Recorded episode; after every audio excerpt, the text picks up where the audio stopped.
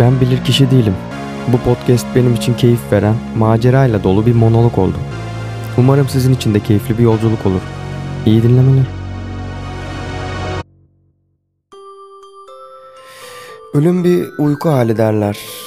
Öldüğünde bol bol uyursun. Ne gerek var bu kadar uyumana? Uyku kimine göre bir kaçış, saklanma hali. Kimine göre ise dinlenme ve iyileşme anlamına geliyor. Bir uyuyayım geçer mantığıyla kendini tedavi edenler var. Kaçmak ve iyileşmek için uyku bağımlısı olanları da gördüm. Hayatı yaşamayacak kadar uyuyanların gerçekten ölüden farkı yok. Ama bu seçim elimizde mi bilmiyoruz. Sonuçta uykunun esiri onlar. Narkolepsi dediğimiz hani. Ama burada hastalık boyutunu elimden bırakmış bulunuyorum. Kim olduğumuz, ne kadar uyumak istediğimizle, yani seçimlerimizle belirlenir diyorum. Özgür iradeyi inceler gibi oldum farkındayım ama çabucak çıkacağım endişe etmeyin.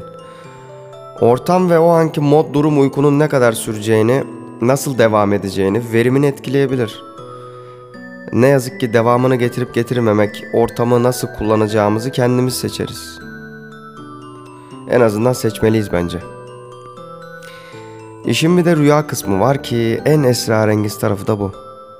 Sürekli aynı şeyler, aynı yerler, aynı kişiler görülen rüyalar. Hep aynı yerde uyanılan rüyalar.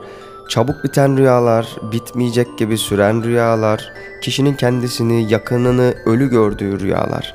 Vahşet, katliam, canavar dolu. Koşarken bataklığa saplanılan veya birinin hatta bir şeyin bizi yakalayıp bırakmadığı, koşsak da hızlı gidemediğimiz stresli kabuslar. Rüyalar. Acı tatlı rüyalar. Bazıları kan gördüğünde uyanırmış. Ama bende durum ne yazık ki böyle seyretmiyor. Kan dolu ameliyatlar, polis timleriyle baskınlar, video oyunlarındaki gibi adam doğrayan samuray görmüşlüğüm vardır.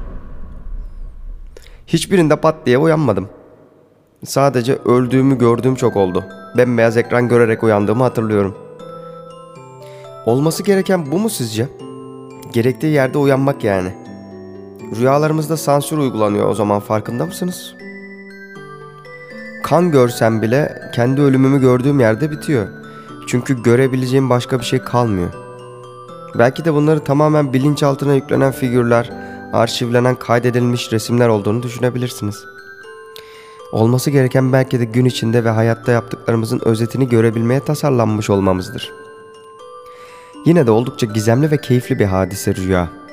Pek çok filme, kitaba, çizgi ve oyun dünyasına ilham kaynağı olmayı hala sürdürmekte. Dün rüyayı ilginç bir yerden ele alan animasyon realite karışımı bir film izledim. Devler ve insanların rüyalarını çalan yufka yürekli bir devcik hakkındaydı. Senaryoyu şimdiki yaşantımızdan bir tasarı simülasyon olarak düşünüyor. Pardon e, bu konuyu bırakmıştık. Uykunun üzerimizdeki etkilerinden görebildiklerimi konuşmaya devam. Uykunun tadını alanlar kadar tam alamayanlar da oldukça yüksek bir popülasyona sahip.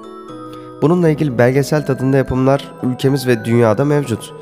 Son dönemde ünlü televizyon çocuğumuz kendi deyimleriyle sektörde öncü uygulamalara imza atan beyaz eşya temelli bir firmanın sponsorluğunda kahve ile ilgili olsa da bu konudan çok bahsedilen bir belgesel yayınladı. Kendi de bu durumdan oldukça muzdarip. Uyku hakkında etraflıca konuşulan uzmanların çağrıldığı programları da mevcut. Bu tip insanlar kendi deyimiyle uyumuyor, bayılıyormuş. Haklı. Uyumak için yorulmak zorunda olmak acı verici olmalı. Uykunun dışarıdan görünen ve deneyimledikçe artan o kadar tatlı bir cazibesi var ki. İşte bu tip insanlar onu derinlemesine tatmak için neler vermezdi bir düşünün. Düzenli olması da şart değil. Benim uyku tipimi sorarsanız kendimde gözlemlediğim şey çok uykum olsa da gecenin tadını çıkarmayı çok severim.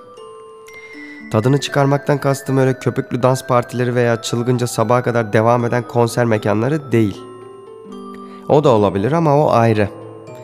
Evde kendi halimde vakit geçirmek de pekala gecenin tadını çıkarmaya yetebiliyor.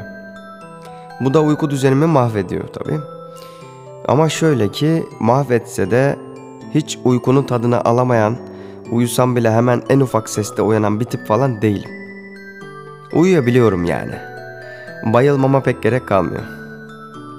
Uykunun tadını almak, uyumak kadar uykuya dalmak da bir mesele.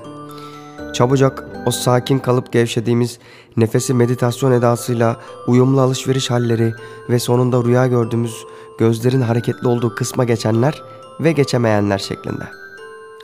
Sizin için üşenmedim kaynağından birebir aşamalarını alıntıladım. Ama bu bir tez yazısı olmadığı için copy paste yaptım.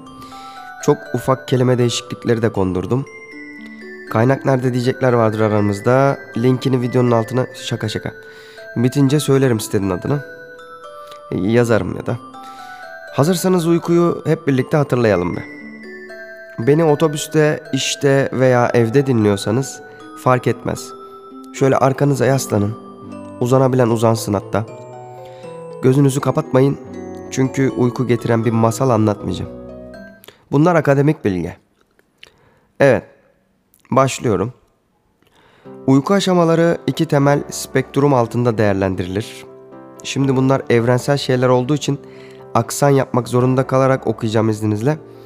İngiliz dili ve edebiyatı okuyanlar ve öğretmenlerimiz linç girişiminde bulunmasınlar. Rica edeceğim.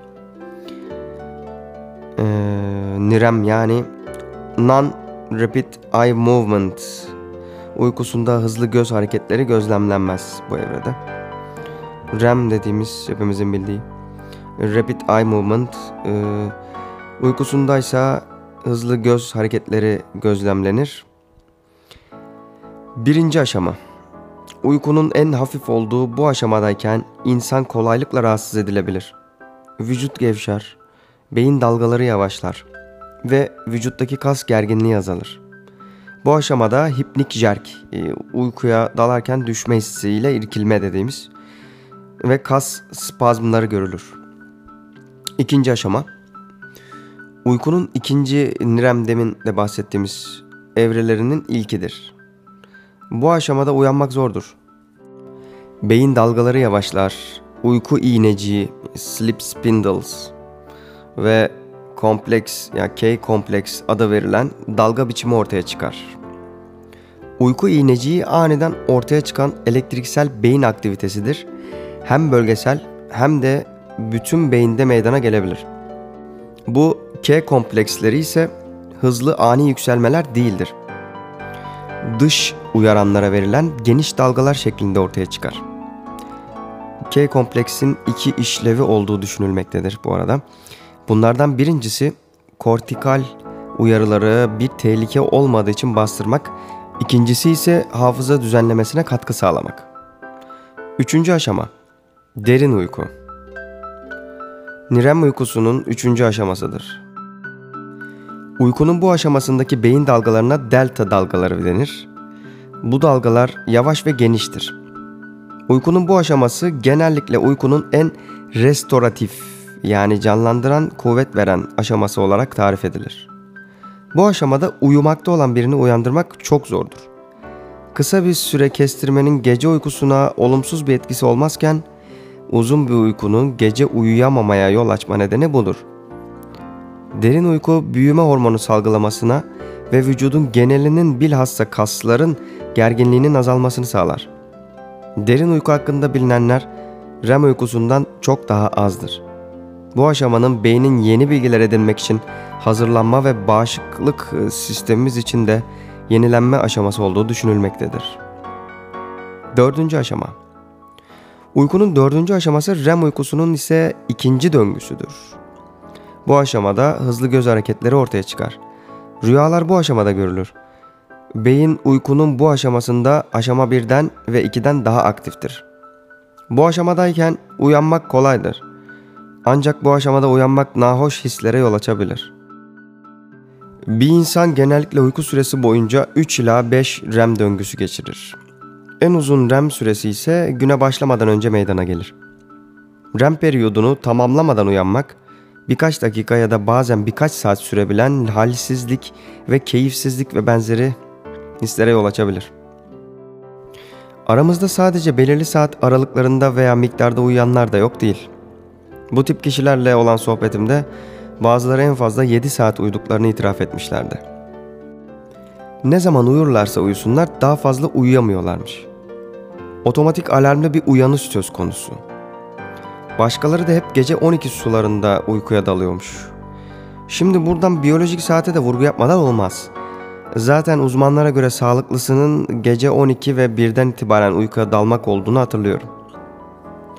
Vücudumuzun ve zihnimizin programlanma şekline aykırı davranmak, onu yormak, yıpratmak anlamına gelir. Yapmamak lazım. Bir de şu travmayı anlatmak istiyorum.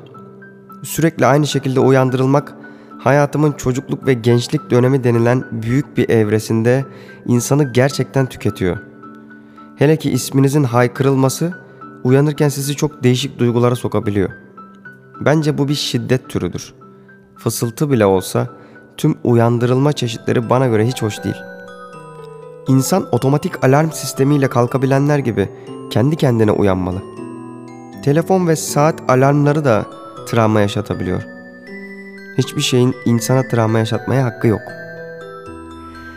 Yani demem o ki yaşasın bağımsız uyku ve uyuyan güzeller.